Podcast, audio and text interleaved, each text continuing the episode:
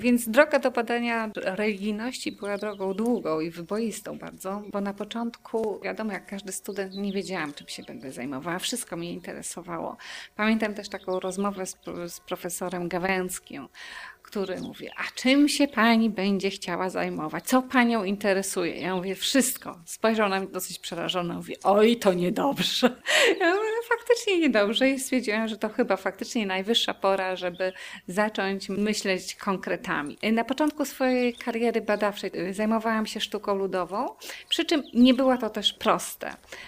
W chwili, kiedy moja siostra, gdy byłam jeszcze w liceum, dała mi program studiów etnograficznych w Poznaniu, stwierdziłam, że fajne są to studia, niezwykle interesujące, ale na trzecim roku jest sztuka ludowa, to jest tak obrzydliwa, ja się tym na pewno zajmować nie będę. Ja, która zajmuje się sztuką wyższą, zapatrzona w jakieś dziwne obrazy Rubensów i innych, mm, inne izmy, mam się zajmować takim czymś obrzydliwym, nie, nie, to w rachubę nie wchodzi. Jak przyszło co do czego, na tym trzecim roku robiłam wszystko, co mogłam, aby zajęć ze sztuki ludowej uniknąć.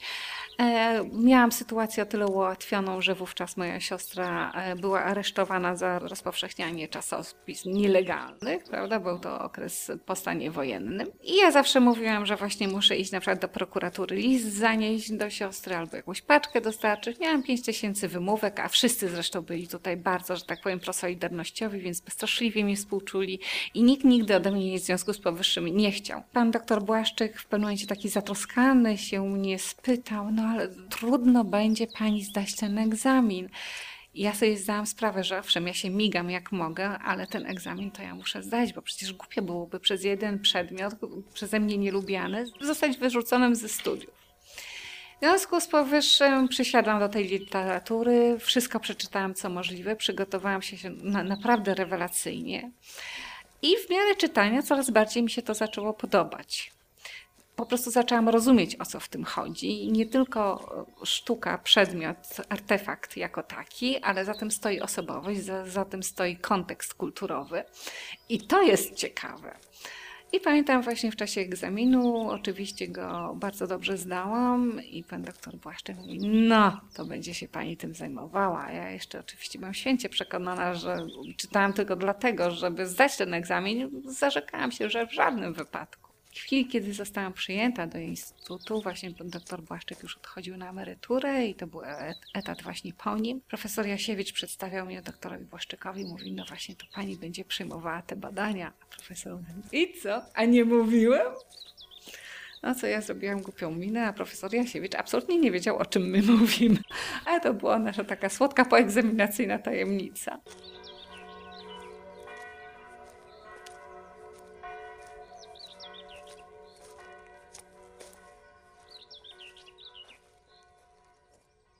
Pracę doktorską, którą miałam pisać, w pierwszym momencie to miało być takie porównanie, czy konteksty istniejące pomiędzy sztuką profesjonalną a sztuką religijną, ale przez przypadek zajęłam się licheniem. Przypadek polegał na tym, że profesor Jasiewicz swego czasu po prostu odwiedził licheń i mówił, że to taki ciekawy temat dla etnografa. A ponieważ ja byłam wcześniej też w Licheniu, stwierdziłam, że ma rację i pojechałam zobaczyłam, co ja ze swoją wiedzą, ze swoimi zainteresowaniami jestem tam w stanie zrobić. I stwierdziłam, że zamiast właśnie takiego sztywnego kontekstu historyczno-sztuczno-etnograficznego wejść po prostu w żywy materiał etnograficzny, jakim jest Licheń i napisać pracę, która będzie analizą tej sztuki licheńskiej. E, ale pod wpływem właśnie wielu, wielu, wielu rozmów z pielgrzymami stwierdziłam, że to byłoby bardzo ograniczone punkt widzenia, że jednak ten kontekst antropologiczny jest tak szeroki, że należy y, właśnie spojrzeć szeroko, a nie tak wąsko. I w ten sposób zajęłam się tą taką szeroką religijnością i pielgrzymowaniem.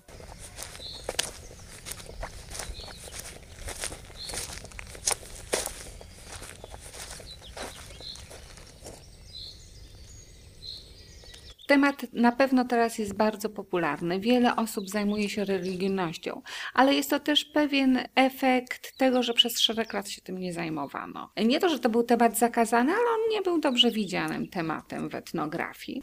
Jeżeli już był widziany, to w takiej bardzo klasycznej etnograficznej formie, czyli obrzędowości dorocznej, jak się obchodzi poszczególne święta, natomiast nie wchodziło się w samą taką głęboką religijność. Badania nad religijnością moim zdaniem są jedne z trudniejszych trudniejszych tematów, z tej racji, że dotyka się bardzo takich intymnych sfer duszy ludzkiej. I nie każdy chce mówić o swoich przeżyciach religijnych, o czym myśli, jak się modli, w jaki sposób się modli, dlaczego pielgrzymuje. Łatwo jest o tym mówić na takim bardzo powierzchownym poziomie, natomiast wejście głęboko w relacje między osobą badaną a sakrum jest już niezwykle trudno.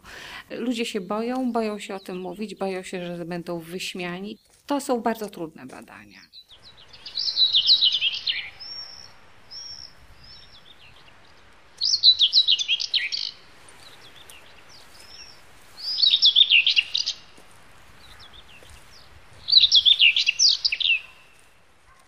Mam takie jedno bardzo trudne doświadczenie. E, było to badanie pielgrzymki Radia Maryja. Zupełnie przez przypadek to było w Licheniu. Była to grupa osób bardzo negatywnie nastawiona do świata zewnętrznego, jakby obawiająca się, że wszyscy są po to, żeby ich atakować. Nie rozumieli pracy antropologa i myśleli, że badania, rozmowy będą wykorzystane przeciwko nim. I to była jedna z najtrudniejszych rozmów, jakie w życiu przeprowadziłam.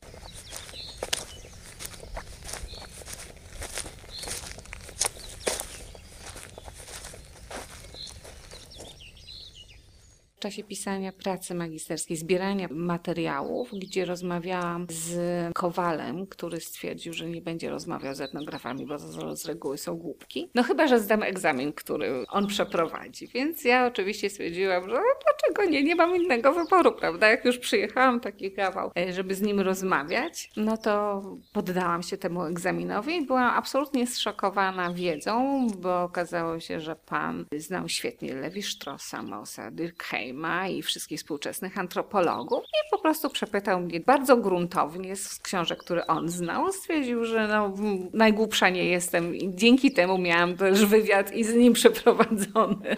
Także to są dwa moje śmieszne doświadczenia i trudne doświadczenia, które pokazały, że nigdy nie można ignorować e, respondenta, prawda, bo on może być nadzwyczaj dobrze, nawet jak nie lepiej przygotowany od nas do wywiadu. I też pokazały, że emocje, które w respondentach żyją, też mogą absolutnie zniweczyć próbę jakiejkolwiek rozmowy. I bardzo trudno jest im przełamać niechęć, którą mają w stosunku do obcych, bo my dla większości naszych respondentów jesteśmy obcy.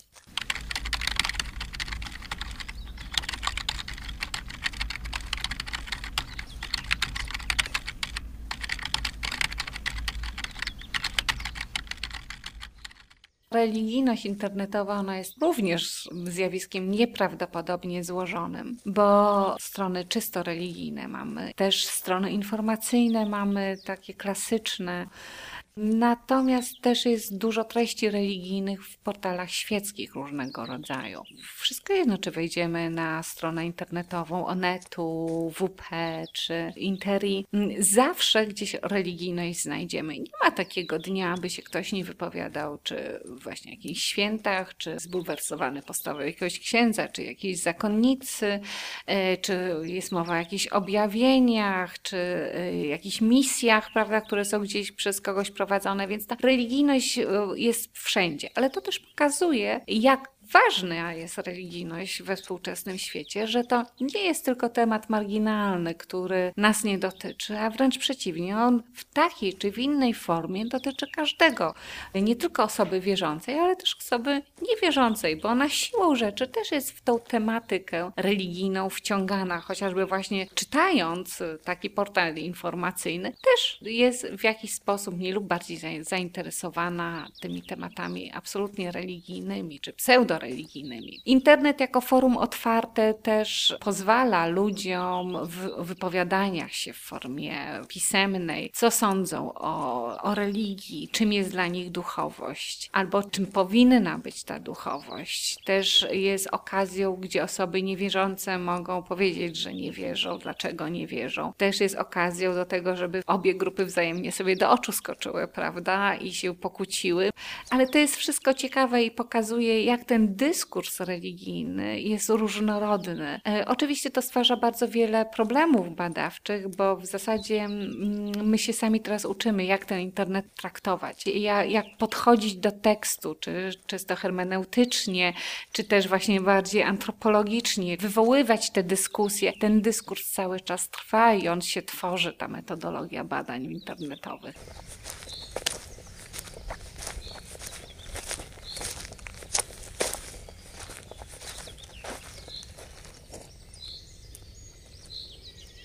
Trudno wyrokować dynamiki. Myślę, że bardzo wiele zależy od kontekstu zewnętrznego. Religijność polska jest bardzo silnie związana z kwestiami politycznymi. W chwili, kiedy ta polityka zaczyna faktycznie rządzić, kiedy rodzą się różne konflikty, automatycznie ta religijność bardzo ożywa.